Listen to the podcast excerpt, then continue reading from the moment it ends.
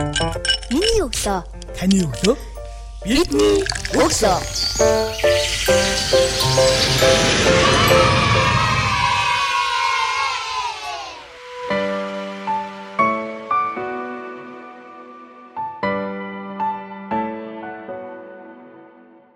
Сонсогчтанд шинэ 7 өдрийн өглөөний мэндийг хүргэж байна. Миний өглөөд сурал подкастын 17 дахь дугаараа сонсогч та бүхэнд хүрч байна. 17 7 өдрийн турш биднийг сонссон сонсогч та бүхэндээ баярлалаа. Энэ удаагийн дугаарын зочноор за усны инженер Болортуулыг бид өрн оролцуулж байна. За танд өглөөний мэндийг хүргэе. За өглөөний мэнд хүргэе. За таны өглөө хэрхэн яаж эхэлдэг юм бол? За ямар ч миний өглөө бол ерөнхийдөө өглөөний мандж байгаа нарыг харахаас эхэлдэг. Хүүгийнхаа хичээлийн бэлтгэлийг хангана. Хүүгийн хичээлдэн зөөн. За тэгэхээр манай өглөөний зочны одоо булангаар миний өглөө подкастер маш олон салбарын залуучууд оролцож байгаа. За өнөөдөр тэр дундаа байгаль орчны салбар усны инженерийн чиглэлээр ажилладаг болортуул маань оролцож байгаа. Тэгэхээр яг энэ өөрийнхөө ажил мэргэжлийн онцлог давуу талаа сонсогчдоо хуваалцаж бидний сонсож байгаа бас хүүхэд багчууд оюутнууд энэ чиглэлээр суралцах хүсэл эмнэлэлтэй байж магадгүй. Тэгэхээр энэ мэрэгжлийн онцлогуд нь одоо ямар онцлогтой байдсан бол өөрийнхөө яг 100 хүсэл эмнэлэлтийн мэрэгжлийг сонгосон эсвэл ээж аав, ах дүү, найз нөхөд багш нарын бас нөлөөлөл байсан уу? Ямар ч миний хүүхэд насны мөрөл болохоор эмч болох мөрөлтэй байсан. Тэгээд ягаад ч юм яг одоо усны инженер гэсэн мэрэгчлээ би өөр яг 100% өөрөө сонгосон л та. Гэтэ би хүүхд насаа мөрөөдлийг сонгохгүйгээр энэ мэрэгчлийг сонгосон. Тэгээд тэрэнд бол их харамсдаггүй маш их баярлдаг. Тэгээд усны инженер гэсэн мэрэгжил маань ерөөсөө л эмчтэй ер нь маш дөхөхөц тийм мэрэгжил. Яг тэгвэл хүн бүхэн одоо өдөр тутамдаа цэвэр усыг ундандаа хэрэглэдэг шүү дээ. Тэгэхээр одоо усны нөөцийг цэвэр цэнгэг байлгахын тулд юу шаардлагатай байна те судалгаа шинжилгээ хийн за бохирцсон ус байвал яаж цэвэршүүлэх үү те гэх мэт маш их тийм нарийн судалгаа шинжилгээ хийдэг хүний эрүүл мэнд эрүүл мэндтэй шууд холбоотой тийм ажил учраас сонгосон байгаа. Их доорлож сонирхож сонгосон байх шүү дээ. Тэгэхээр ажлынхаа одоо хүн ер нь маш олон зүйлээс ирч хүч урам зориг аваад юм хийж байгаа ажилласаа эсвэл гэр бүл хамт олон хүрээллээсээ гэд болроогийн хувьд ер нь юунаас хамгийн их ирч хүч урам зориг авдаг вэ? За миний хамгийн ер нь эрч хүч урам зориг авдаг зүйл маань л ерөөсөө л миний хийж байгаа ажил мэрэгчлэрээ ажиллаж байгаа учраас би ажилдаа маш их хайртай. Ажлаасаа маш их урам зориг авдаг. Ажлаараа мэрэгчлэр ингэ ажиллаж явах залан хүмүүс шантрах тохиолдлууд маш их гардаг. Тэгээ болрогод бас шантарч л байсан баг. Тэр үед хэрхэн яаж өөрийгөө зоригжуулдаг байсан бэ? За ерөнхийдөө манай оюутан ангийн маань багш одоо бурхан болцсон л да цэнгэлгээд айгу мундаг багш байсан. Тэр багшийн маань яг алтан сургаал байдیں۔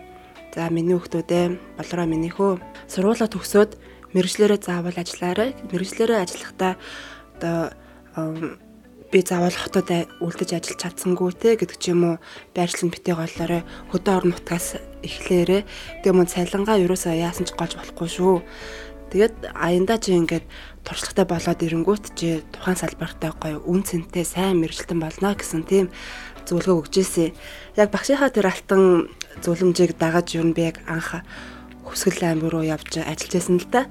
Тэгээ яг усны инженерээр цагуур орчны шинжилгээний албанд 5 жил ажиллаад тэгээ хүсгэл нуурын голын саваа зэрэг захиргаанд мөн яг гадар усны алах мэрэгчлэнээс 5 жил ажиллаад ирсэн. Тэгэхээр яг ингээд э, яг саяны багшийн загсан сургаал ёсоор ерөөхдөө ажил мэрэгжлийн чиг баримжаа, ажлын туршлага одоо илүү их мундаг усны энэ салбарыг хариуцсан экспертийн төвшөнд бол судалгааны төвшөнд мэрэгжлийн хувьд бол хурж өсөнд ивдсэн байна. Тэгэхээр яг анх тэр орон нутг руу явах тэр хуваарийг аваад ажил мэргэжлийн томилтод тэгж гарч байхад одоо анги нэг яг нийт ангиад өгсөн оюутан ах ангийн найз байсан ч гэдэм үү. За болроо хотод ажиллаач яагаад хүсгэл рүү явчваа хотод ийм газар ингэж ажиллах зүгээр штэ орон нутгад очих юм бол чи ингээд өсөнд дэвж хөгжих магадлал гэл ингээл маш олон төрлийн ийм хатгааснууд байсан баг. Тэгээ тийм олон хатгааснуудад юу ямар хариултыг өгчээв. Тэгээ өөрийгөө яг тэр үед очиод анхны жил, хоёр дахь жил нь мэдээж ямар ч ажил дээр очисон эхний жил залуу мэрэгчлэнүүд байдаг юм бол маш хэцүү хүндрэлтэй, ачаалалтай байдаг. Тэр хэцүү хүнд хэцүү яг хэрхэн яаж давж исэн бэ? Тийм, ерөнхийдөө бас яг найс нөхдөд бас ах дүүсийн ч юм уу хатгалга байсан л да. Яад орон нутг руу явах гэдэг юм бэ? Тэгээ хотод үлдээч өөрийнхөө бас карьерийг бодооч ээ. Заавал хаусын дээр хөдөө очиж ажиллаж явах гэдэг юм бэ гэд.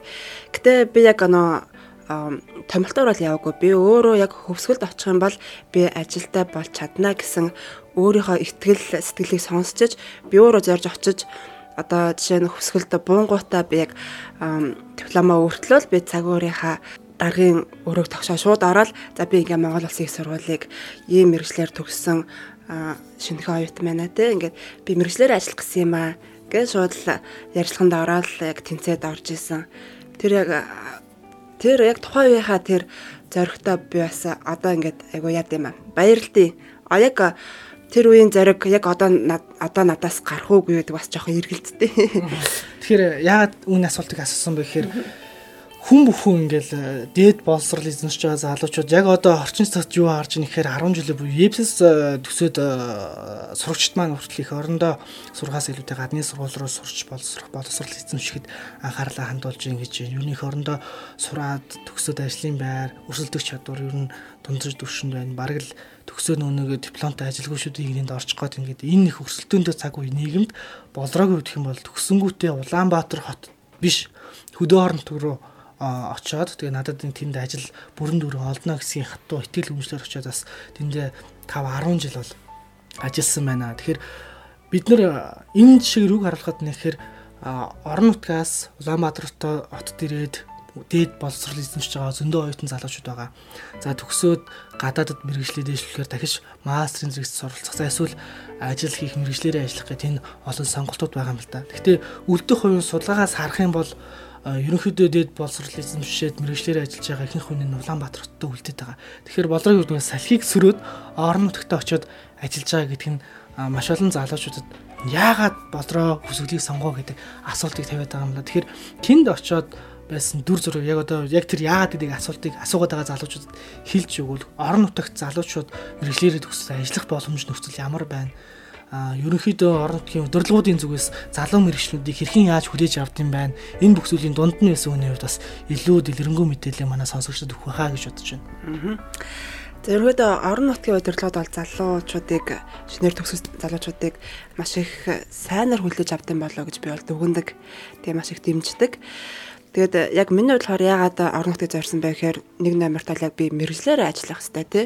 Мэрэгжлээр ажиллан дээрээс нь бас яг миний нөө одоо уугуулах юм манай аавын нутгийн хөвсгөл аймгийн хатал болсон байхгүй юу. Тэгээ хөвсгөл нуурын ирэг дээр бас манай аав минь өссөн. Тэгээ бид бас хүүхдээ хатаа осч байсан. Тэгээ хөвсгөл нууранда бас маш их хайртай. Тэгээ бас хөвсгөл нуураа зарж очиж байсан. Тэгээ миний бас яг хөвсгөл бас биелсэн л дээ. Яг хөвсгөл нуурынхаа усыг судалдаг тийм усны инженер томилогдож байсан. Яг төгсөд төгсөд очингуудаа. Тийм. Тэгээд орон нутагт бол маш их ажиллах боломжтой залуу залуу үе. Яагаад гэвэл одоо зардал маш их гардаг тий. Хотыг бодох юм бол тэгээ нөө цалингаа бас хураах боломжтой. Яг тодорхой хэрэглээний хувьд юу нэхэд хотод бол зардал өндөр, орон нутгад бол бага. Ядаж ажил руугаа алхаад очсон. Тэгээ яг үнэн тий орон нутгад бол яг 10 минут л алхаад очдөг байхгүй юу? Зардлаа хэмнэх боломж бол залуучууд маань хөрөнгөө зөв зөв зарцуулах боломжтой. 10 жилийн хугацаанд орон нутгтаа ингээд э, яг өөрийнхөө эзэмссэн мэрэгчлэр баялаг бүтээгээ байж хахад ингээд э, залуу хүний хувьд зорьсон зорьсон за би энэ ажил авсан ажлаа энэ төвшөнд хүргэндэ гэсэн юм зорилтуудыг тухайн үед бол тавьж ирсэн байхаа гэж бодож байна. Тэгээд ямар ямар өөрийнхөө хувьд за би болроо энийг хийж чадсан шүү гэд бахархам ажлын үр дүнгуудыг бий болгосон байх хүсгэл аймагт. Тэр бас жишээнүүдээс сонсогчдод хуваалцсан. За яг би яг өөрөө бас нэг э, судлаа шинжилгээний хүн учраас э, өвсгөл нуурынхаа талаар өн судалгааг бас нэлээд хийсэн л дээ. За хамгийн эхлээд урдах зүйл болохоор өвсгөл нуурын усны нөөц горим горимд одоо дүн шинжилгээ хийсэн судалгаа хийсэн. Одоо жишээ нь 1992 оноос одоо хүртэлх ингээд 8 8 жилийн давтамжтай усны талбайг нь тодорхойлоод За энэ нь тэгээд өдөр тутмын усны төвшөндөө хэрхэн уялдаа холбоотой байна те цаашид яах вэ гэсэн тийм хандлагыг бас тийм татаасан судалгааны ажил хийсэн байгаа.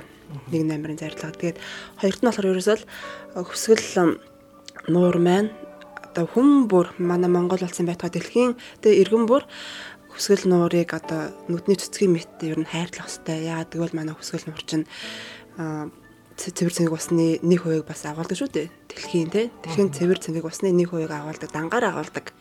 Тийм нуур маань. Тийм учраас хүсгэл нуурын энэ үнэт зүйлийг аймагта, улстай дээрэс нь бүр ингээд дэлхийд даяар бас сайн түгээн дэлгэрүүлэх тийм ажил сайн хийх гэсэн зорилготой байсан. Тэгээд ямар ч байсан яасан зорилготой бол нэлээд төвхөж очсон. За баяр үргээ. Тэгэхээр бас давхар дэлхийн нийтээр анхаарлаа хандуулж байгаа дэлхийн дулаар хүлэмжийн ялгарл уур амьсгалын өөрчлөлтийн эсрэг нэгдэж байгаа өвчин зүйл бол энэ уур амьсгалын өөрчлөлтийн эсрэг залуусын дуулаг удирдах шийдвэр гаргах төвчний улс төр бизнесийн бүлэглэлийнхэнд бол хүрэх дэлхийн нийтээр залуучууд манд болгоо илэрхийлж климат страйк хэмээх хөтөлбөр дэлхийн нийтээр өрнөж байгаа. За үүнтэй адилхан нэгтгэхийн цаг гэдэг жил бүрийн 3 дугаар сарын 3 дахь 7 хоногийн бям гарагт бол дэлхийн нийтрээ тэмдэглэл өнгөрүүлдэг. За энэ хүү үйл ажиллагааг 21 аймагт бас зохион байгуулалт болроо хүсгэл аймаг зохион байгуулж исэн гэж би бас сонсч ирсэн. Тэгэхээр энэ зохион байгуулсан үйл ажиллагааны хадлаар яагаад энэ үйл ажиллагаа зохиох болсон юм бол энэ үйл ажиллагааны бас ач холбогдол үр дагавар нь юу юм бол? За яг эхлэхийн цаг арга хэмжээг энэ жил буюу 19 оны 3 сард анх удаа хүсгэл аймагт зохион гар бие зохион байгуулсан л да. За энэ арга хэмжээ бас зохион байгуулахад яг манай Хүсгэл аймгийн бай болгочин ажил ажлын газрын хамт олон маш их дэмжлэг үзүүлсэн байгаа. За энэхүү арга хэмжээний үр дүн гэх юм бол ерөөсөө ер нь хүн бүр одоо амьдарч байгаа дэлхийдээ те дэлхийгээ яаж хайрлах уу гэсэн сэтлийг л ядаж нэг нэг цагийн турш гэрлээ унтрах магаар те цахилгаана хэрглэж байгаа цахилгаана хэмнэх журмаар тэгж ингэж их дэлхийд хайртай юм шүү гэсэн мессежийг бусадтай ингэж түгэж урайлах тийм зорилготой арга хэмжээ гэж харж байгаа. Хүсэл дээрээс энэ хүү үйл ажиллагаанд идэвхтэй оролцсон. За 8 аймаг билүү 9 аймаг яг 19 оны эхлэлийн цагт нэгдсэн байсан. За эх 20 онд бол 21 аймаг нэгдэх байгаа гэсэн бодол байгаа. За ерөнхийдөө энэ үйл ажиллагаануудыг зохион болгох нийгмийн итвэх оролцоо гэд олон хүчин зүйл залуу мэрэгчлэнүүдийн хувьд бол уялдаатай холбоотойс явдаг. Тэгэхээр болроогийн хувьд бас бас байгаль орчны манлайлагч тэгээд орон нутгийн байгаль орчны манлайлагчдын хөтөлбөр бол хамраж ирсэн. Тэр хөтөлбөрөөс юу олдсоор ямар шинэ мэдлэг мэдээллийг олж авсан бэ? Тэр мэдээллээс сонсогчтой өргөл. Аа. За ерөнхийдөө би бас усны инженер гэдэг дан ерөнхийдөө усны л хүн штэ.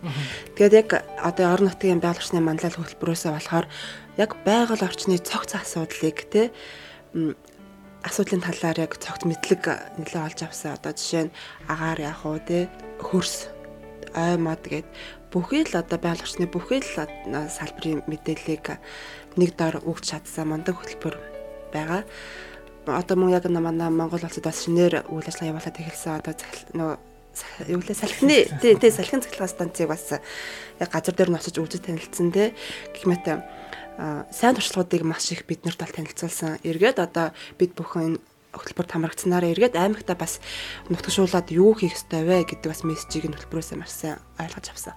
Тэгэхээр яг одоо бидний сонсож байгаа залуучуудаас урайлаад нэг зүйлд урайлаад хоёулаа хамтдаа ярьсан өндөрлөө. За цэвэр цэнгийг болсон усаа бүгдээрээ хайрлцгаая. Тэгээд минималист байцгаая. За минималист байцгаая гэсэн урайлаг өнөөдрийн нэвтрүүлгийн зочин. Аа усны инженер Болрогийн зүгээс та бүхэндээ урайлж байна. За нэвтрүүлгийн урилгыг хүлээж авч оролцсон болроодоо маш их баярлалаа. Ажлын өндөр амжилт хүсье. За маш баярлалаа та бүхэндээ бас ажлын өндөр амжилт хүсье. За маш их баярлалаа. Энд хүрээд э, миний өглөө сурал подкастын шинэхэн дугаар та бүхэнд хүрлээ. За эх 7 өдрийн даваа гарагийн шинэ дугаараараа дахин уулзтлаа. Түр баяртай.